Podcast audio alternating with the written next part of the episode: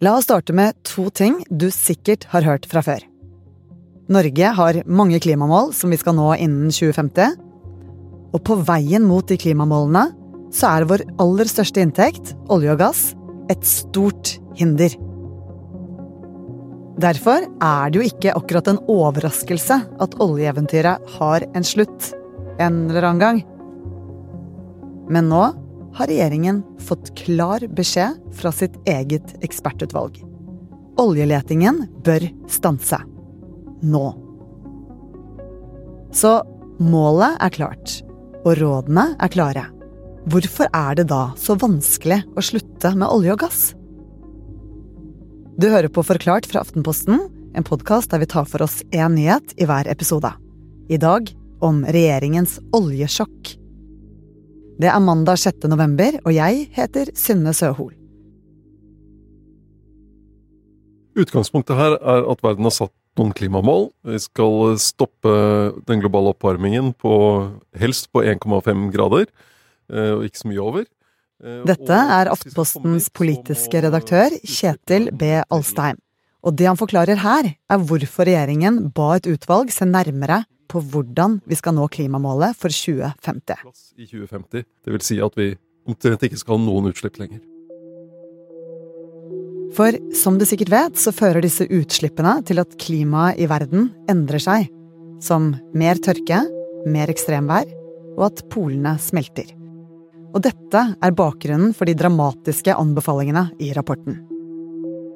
For i tillegg til at de ber regjeringen lage en plan for oljens slutt, så anbefales det å stanse all oljeleting umiddelbart. Det dette utvalget anbefaler, er å eh, gjøre litt mer enn bare å la, la, liksom, la det gå sin gang. At man uh, gjør noe mer aktivt for å bremse opp norske olje- og gassvirksomheten. Det de anbefaler, er først ta en pause for å lage en strategi. En del av den strategien bør være at man ikke leter i nye områder. Ja, så i klartekst pause på alt. Både oljeleting i nye og eksisterende områder. Og akkurat dette med klartekst er ikke alltid like lett når vi snakker om fremtiden til den norske oljenæringen. For det snakkes om utfasing Vi mener at det haster mer enn noensinne å lage oss en plan for en gradvis og forutsigbar utfasing av petroleumsnæringen. Nedbremsing. Og dere har kommet med krav om å bremse farten på norsk oljeutvinning, verne nye Og letestans så må den neste regjeringa slutte å lete etter mer olje og gass. Og klimamålet for 2050 er at Norge skal bli et såkalt lavutslippssamfunn. Det vil si at utslippene skal reduseres med 90-95% sammenlignet med utslippsnivået som var i 1990. Med andre ord, det betyr at vi må kutte mye i CO2-utslipp. Man har snakket veldig mye til nå om eh, hvilke utslipp som skal kuttes, mens når vi kommer til 2050, så vil det handle om hvilke utslipp kan vi ha. Fordi det, blir, det å kunne slippe ut blir et veldig begrenset gode. Det er bare noen få utslipp vi kan ha, og hvem skal da få slippe ut i 2050? Olje- og gassnæringen er ikke den eneste store klimasynderen. Det er også jordbruk med kjøttproduksjon. Og det er fly sektor. Alle disse tre er vanskelige. Eh, petroleumsnæringen er vanskelig, eh, jordbruket er vanskelig, og luftfart er vanskelig. Og det blir et valg her. Skal vi fly? Skal vi spise biff? Skal vi utvinne olje og gass? Hvis vi har brukt opp måte, det, det, vi kan uh, ha av utslipp på landbruket og på å fly, så er det ikke rom for utslipp fra olje- og gassnæringen. Eh, så hvis vi skal eh, ha rom for en olje- og gassnæring, så må vi passe på at utslippene blir eh, mindre fra landbruk, og at vi kanskje lykkes med elfly eller annen teknologi som gjør at vi får løst problemet med utslipp fra fly, eller flyr mindre. Så stans i utslippene er ikke det samme som stans i olje- og gassproduksjonen? Ikke nødvendigvis, men det er det vi ikke vet ennå. Uansett er oljen, slik den er i dag, dårlig nytt for klimaet og et skikkelig stort hinder på vei mot klimamålet. Hvorfor kan vi ikke bare slutte? At vi skal utvikle, ikke avvikle. Vi Skal utvikle og ikke avvikle. Vi avvikler ikke industrier, vi utvikler dem videre basert på kunnskap.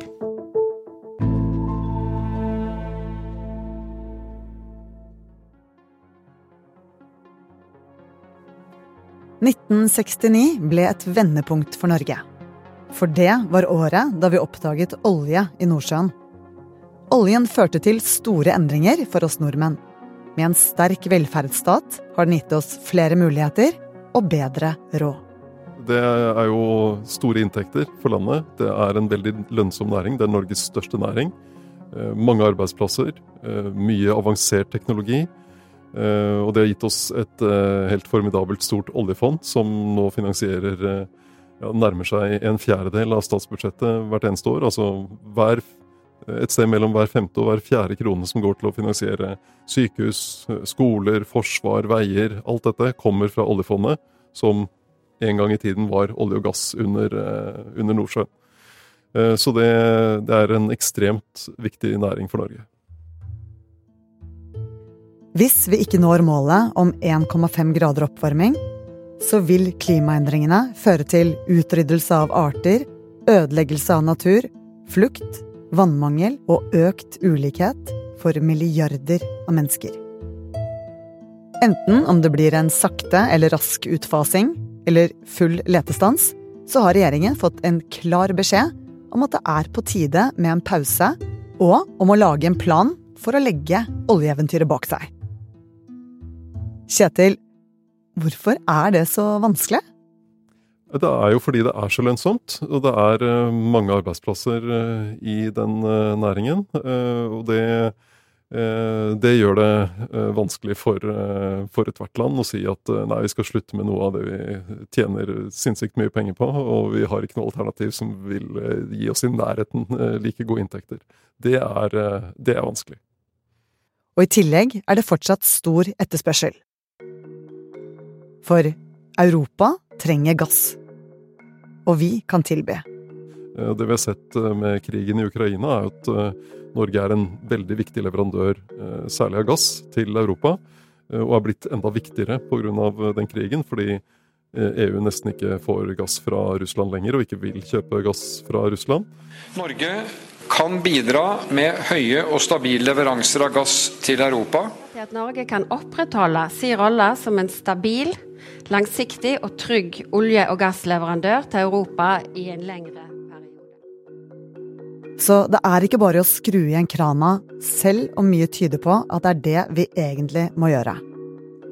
For hvis Europa ikke får gass fra Norge, så må de få den fra et annet sted. Så må jo, må jo da europeiske land prøve å få tak i gass fra andre steder, sånn som flytende gass fra USA eller flytende gass fra Qatar.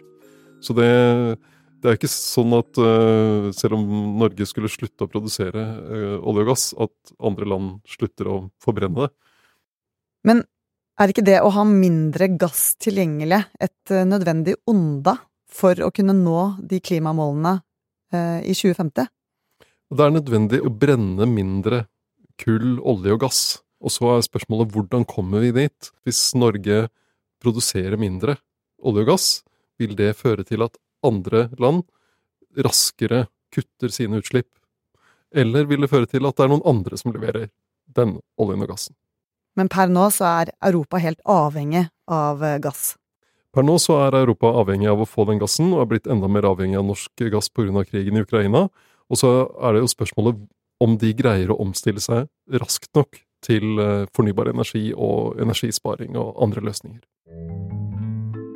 Og med alle disse argumentene for at vi og verden rundt oss trenger olje og gass i alle fall litt til, så kommer det som har blitt en kjent frase når politikere, særlig fra Arbeiderpartiet, snakker om oljens fremtid. I Arbeiderpartiet har vi landsmøtevedtak på at vi skal utvikle, ikke avvikle.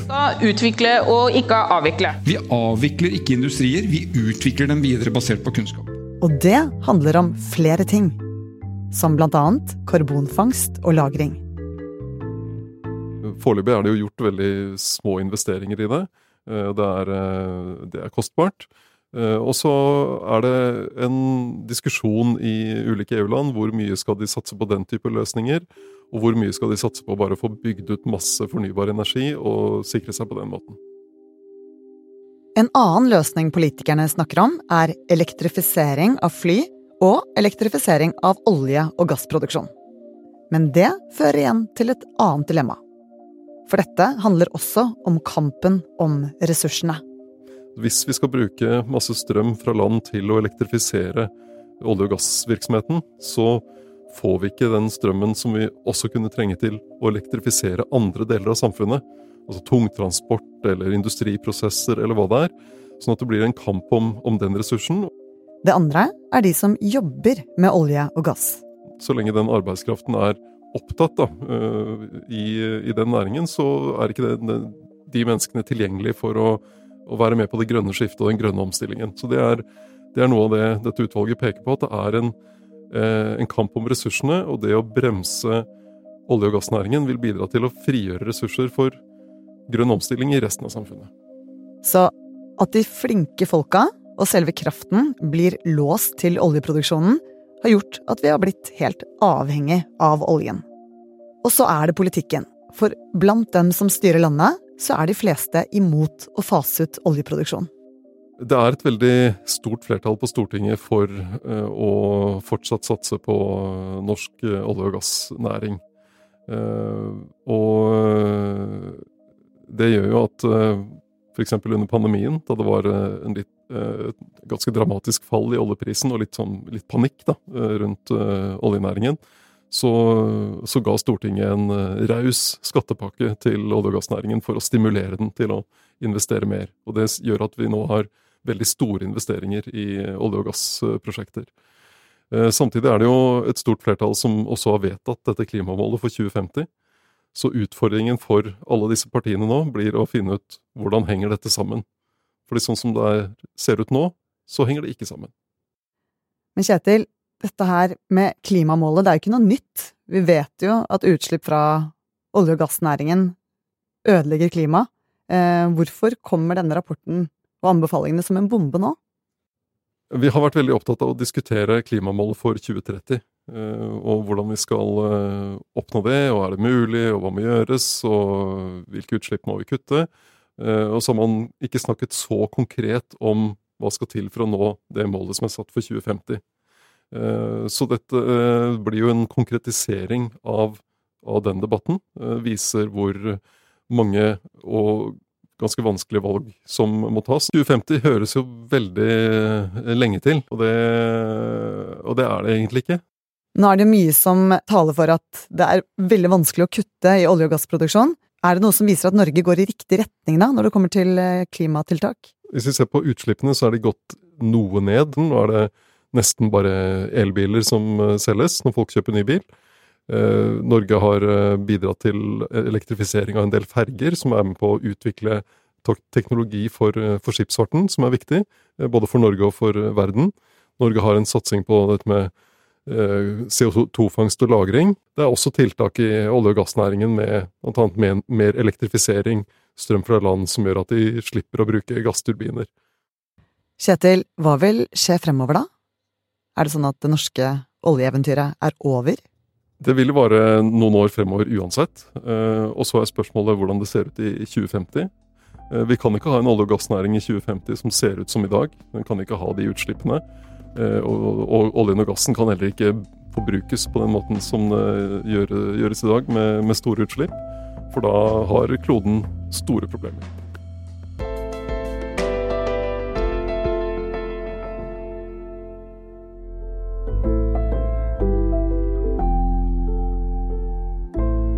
Du har hørt en podkast fra Aftenposten. Det var politisk redaktør Kjetil B. Alstaheim som forklarte deg regjeringens klimadilemma. Denne episoden er laget av produsent Anders Weberg og meg, Synne Søhol. Resten av Forklart er David Vekone, Jenny Førland og Olav Eggesvik. Lyden du hørte er fra NRK, Radio Haugaland, TV 2, Oljeenergi og Oljedirektoratet.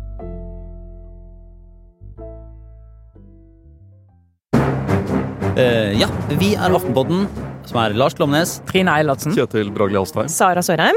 Og hver uke så tar vi for oss det siste, eller i hvert fall det mest spennende i norsk politikk og samfunnsdebatt. Ja, altså, vi har holdt på faktisk siden 2015 vi, å henge oss opp i ting i norsk politikk som ikke Det er ikke alltid det er det viktigste, men det er det som pirrer oss mest, og det vi syns er både gøy og interessant å snakke om.